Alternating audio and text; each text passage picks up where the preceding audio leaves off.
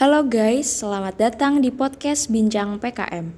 Podcast ini akan mengupas tuntas bidang-bidang PKM biar teman-teman gak bingung lagi nih buat milih bidang yang mau diikutin di PKM yang akan datang.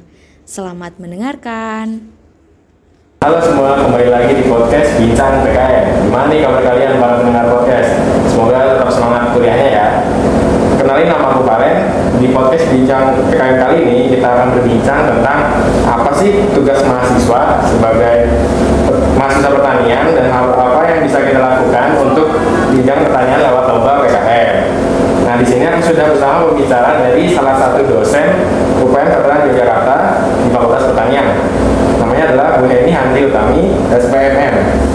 Mungkin teman-teman semua udah yang pernah diajarin sama Bu ya, Bu Heni ini ya. Bu Heni adalah dosen jurusan agribisnis yang mengajar mata kuliah kewirausahaan dan etika bisnis, sistem informasi agribisnis, agribisnis serta akuntansi. Wih, keren banget kan? Oke, langsung aja. Selamat pagi Bu Heni. Selamat pagi, semangat pagi. Selamat pagi. Bagaimana kabarnya Bu Heni? Alhamdulillah luar biasa. Biasa. Gimana Bu pengalaman mengajar online ya?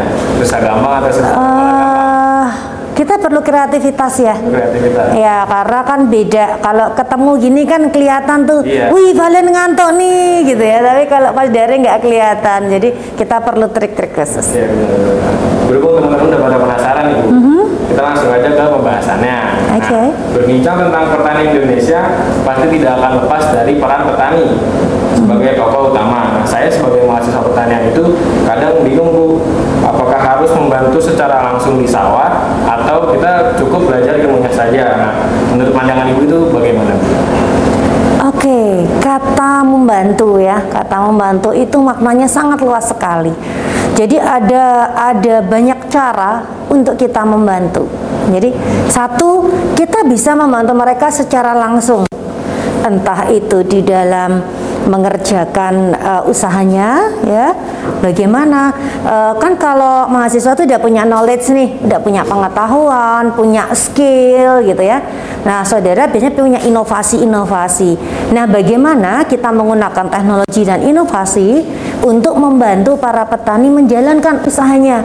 Nah, itu luas banget. Kalau misalnya dari eh, budidaya tanaman gitu, bagaimana sih teknologi budidayanya? Gitu. Bagaimana sih teknologi media tanamnya? Ya kan? Bagaimana teknologi di dalam memasarkannya, melayani pelanggan? Itu itu kita bisa berkolaborasi dengan mereka. Oleh karenanya eh, di program Merdeka Belajar di Kampus Merdeka itu itu ada banyak sekali eh, skim-skim yang yang kita bisa ikuti untuk bisa membantu para petani. Berarti nggak cuma kita belajar gitu ya, berarti kita harus melihat ke sekitar juga untuk mengaplikasikan, mengaplikasikan ilmu kita ke masyarakat sekitar. Betul sekali. Nah di perkuliahan ini kan ada ajang perlombaan ya Bu yang cukup bergengsi dan akhirnya bisa menciptakan mahasiswa unggul. Namanya ini program kreativitas mahasiswa. Nah mungkin Ibu juga pernah dengar ya Bu tentang PKM Ya. ini yang ada bidangnya itu bermacam-macam dan ranahnya berbeda-beda. Nah menurut Ibu inovasi apa sih yang bisa mahasiswa pertanian ciptakan melalui kegiatan PKM ini dan bagaimana cara kita mengetahui kebutuhan petani agar inovasi yang nanti kita buat di PKM itu bisa tepat sasaran. Oke, pertanyaannya panjang ya, jawabnya bingung ini saya. Baik satu persatu ya, PKM. PKM itu adalah sebuah ajang kompetisi yang paling bergengsi, ya paling bergengsi. Karena sebetulnya dengan PKM itu eh, kita punya mimpi nih, kita mahasiswa punya mimpi, punya ide. Nah kita diberi dana oleh negara, oleh Kemdikbud untuk mewujudkan mimpi-mimpi kita. Nah, ketika kita mau bikin mimpi, kita mesti lihat dulu apa sih, siapa sih diri kita, apa kemampuan kita, apa passion kita. Nah, setelah kita lihat, oh, aku mempunyai kemampuan inovasi di bidang budidaya tanaman, aku punya kemampuan di bidang eh, digital marketing atau apa-apa yang yang kita punya. Nah, setelah itu kita harus melihat pasar atau kita lihat petani itu sendiri. Jadi kita nggak bisa eh, kalau kita nggak pernah bertemu dengan mereka, bertemu dalam arti boleh langsung ya face to face seperti ini. Tapi juga bisa kita eh, melihat dari video ya, dari uh, media massa yang lainnya, itu kita juga bisa bertemu. Artinya kita mempelajari, oh petani itu sebetulnya butuh apa? Gitu. Dia menghadapi permasalahan apa sih? Misalnya nih, uh, para petani yang sudah mengolah produknya, jadi uh, tidak produk primer tetapi juga produk sekunder ya. Nah, kalau kita sudah bicara sudah punya produk nih, pasti kita butuh gimana sih caranya kita ini untuk menjual, gitu kan? Nah, permasalahannya pasti ada di situ tuh salah satunya ya. Nah, kalau kita sudah tahu, oh petani mengalami kesulitan di dalam memasarkan. Nah, kita sebagai uh, mahasiswa, kita punya inovasi apa di dalam memasarkan? Oh, inovasi uh, penjualan secara online. Sekarang marak kan? Nah, sekarang yang jadi permasalahan adalah apa sih uniknya penjualan online kalian? Nah, kalian punya mimpi, kemudian kita lihat mereka membutuhkan para petani itu menjual produknya, produknya juga harus unik pastinya, ya kan? Jadi tidak hanya sekedar ketela misalnya produknya ketela, tidak hanya sekedar ketela, tetapi ketela itu diberi inovasi apa? Diberi inovasi apa? Nah, satu kata ketela, diberi inovasi apa? Mungkin dia butuh penelitian ya kan? Ini inovasinya ini aman nggak ya kalau buat pangan? Oh ini inovasinya ini uh, bisa diterima masyarakat nggak ya? Orang suka nggak produknya? Berarti butuh penelitian kan? Berarti kita bisa masuk PKM research. PKM research itu sendiri ada dua macam ya. Research untuk eksakta dan juga research untuk sosial humaniora. Nah, kemudian uh, oh ternyata dari hasil research tadi wah ini disukai pasar nih. Oh kalau gitu dilanjutkan jadi PKM kewirausahaan. Bagaimana sih memasarkan produknya? Bagaimana produk yang inovatif ini diterima oleh pasar? Kemudian juga uh, usaha itu sendiri memiliki keberlanjutan.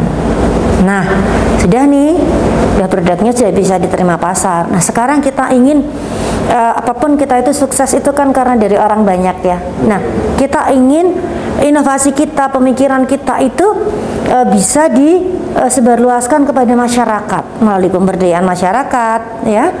Nah, caranya bagaimana kita ikut PKM Abdimas?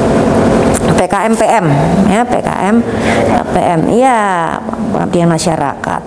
Kemudian e, kita punya mimpi. Kadang kita punya mimpi ya waduh punya mimpi yang jauh gitu ya, yang yang yang mimpi yang besar, yang uh, berorientasi pada masa depan. Kita bisa ikut gagasan uh, eh, GFK ya, PKM GFK itu gagasan futuristik konstruktif itu bisa juga. Nah, kalau kita sudah punya ide, kemudian kita bisa membuat prototipe atau kita bisa membuat desain, maka kita bisa ikuti PKM KC. Karsa Cipta. Nah, jadi sebetulnya e, begitu banyak peluang ya, begitu banyak peluang ya, untuk kita bisa meraih mimpi-mimpi kita. Tapi e, jangan pernah lupa bahwa mimpi kita salah satunya adalah berbagi. Nah, jadi ketika kita punya ilmu, ilmu itu bisa diterapkan, bisa dimanfaatkan oleh orang lain, justru itu adalah makna dari ilmu yang sesungguhnya, ilmu bermanfaat pasti semua akan kembali ke kita lagi. Berarti itu teman-teman dari satu bidang itu bisa berkesinambungan ke bidang-bidang yang lain yang pastinya harus bermanfaat bagi masyarakat sekitar. Nah, menurut Ibu apa sih yang dibutuhkan mahasiswa sekarang supaya kita bisa mewujudkan ini PKM lomba PKM ini? Ya, yang pasti pertama itu kita harus memahami diri sendiri. Ya, kita memahami diri sendiri. Jadi kita tahu uh, siapa saya, apa kekuatan saya. Jadi kita harus tahu kekuatan kita. Saya itu kuat ketika uh, saya itu meneliti, ya ambil research. Saya kuat untuk berbisnis, ambil PKM kewirausahaan. Jadi kita mesti lihat diri kita dulu, gitu. Uh, ada beberapa step ya memang ketika bagaimana kita memahami diri kita, kemudian uh, dari kekuatan itu diperkuat dengan passion. Passion kita apa sih? Oh saya nih sukanya itu bikin hidroponik gitu ya.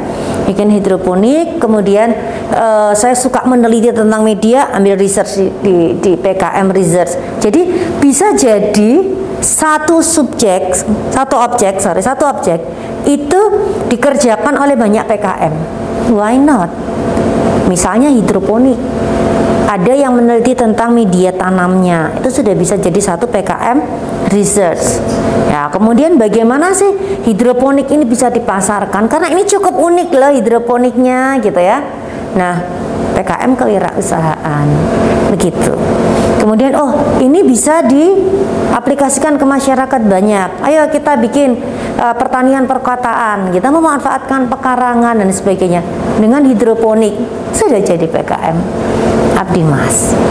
Itu nah bagaimana kita melihat diri? Yaitu tadi passion. Passion itu apa? Sesuatu yang sering yang selalu ingin ingin kita lakukan. Sesuatu yang menyenangkan untuk kita kenapa sih kok harus uh, kita uh, concern juga terhadap passion iya kita punya kekuatan ketika diperkuat dengan passion maka yang apa yang akan kita lakukan itu uh, bisa bermanfaat dan kita melakukannya dengan senang gitu ketika kita melakukannya dengan senang, pikiran kita tuh lebih jernih, lebih jernih. Jadi uh, energi positifnya muncul ya.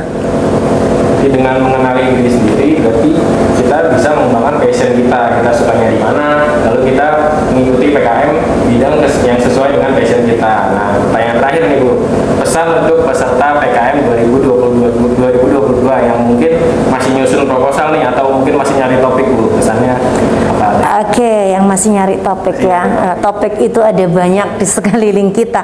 Hanya tergantung kejelian kita sebetulnya. Jadi yang kalau PKM itu kata kunci yang pertama adalah kreativitas. Kreativitas itu ada knowledge, ada skill, ada management skill dan communication skill. Jadi uh, ada baiknya saudara jalan-jalan. Entah jalan-jalan itu surfing uh, video gitu ya kita lihat oh di daerah sana begini begini boleh atau jalan-jalan yang sesungguhnya. Kita uh, ke sekitar petani kita melihat di sekeliling kita nggak usah jauh-jauh deh. Lihat aja di sekeliling kita kemudian kita cermati apa sih masalah yang mereka hadapi? Bagaimana saya membantu para petani menghadapi permasalahannya itu saja. Kata kuncinya adalah kreativitas. PKM yang baik adalah kreativitas berbasis iptek. Jangan lupa berbasis iptek. Ya, jadi kreativitas itu ada skill, ada knowledge, ada manajemen dan communication. Gitu, ya. Ini adalah kreativitas yang berbasis iptek.